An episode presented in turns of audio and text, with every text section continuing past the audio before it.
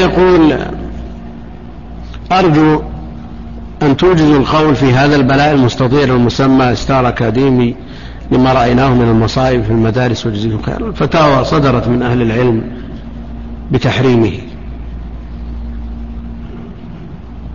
صدرت الفتاوى بتحريمه ولا شك في ذلك ولا إشكال فيه.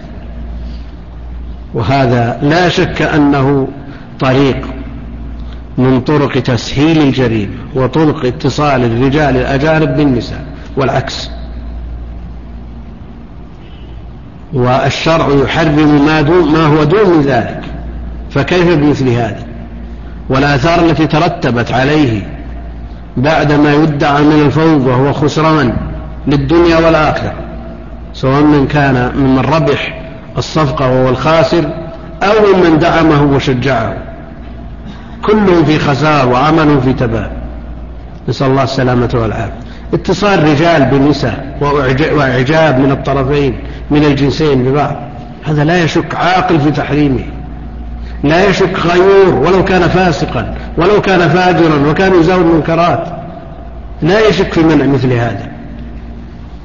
في مثل هذا لا يروج له إلا مفتون. نسأل الله السلامة والعافية.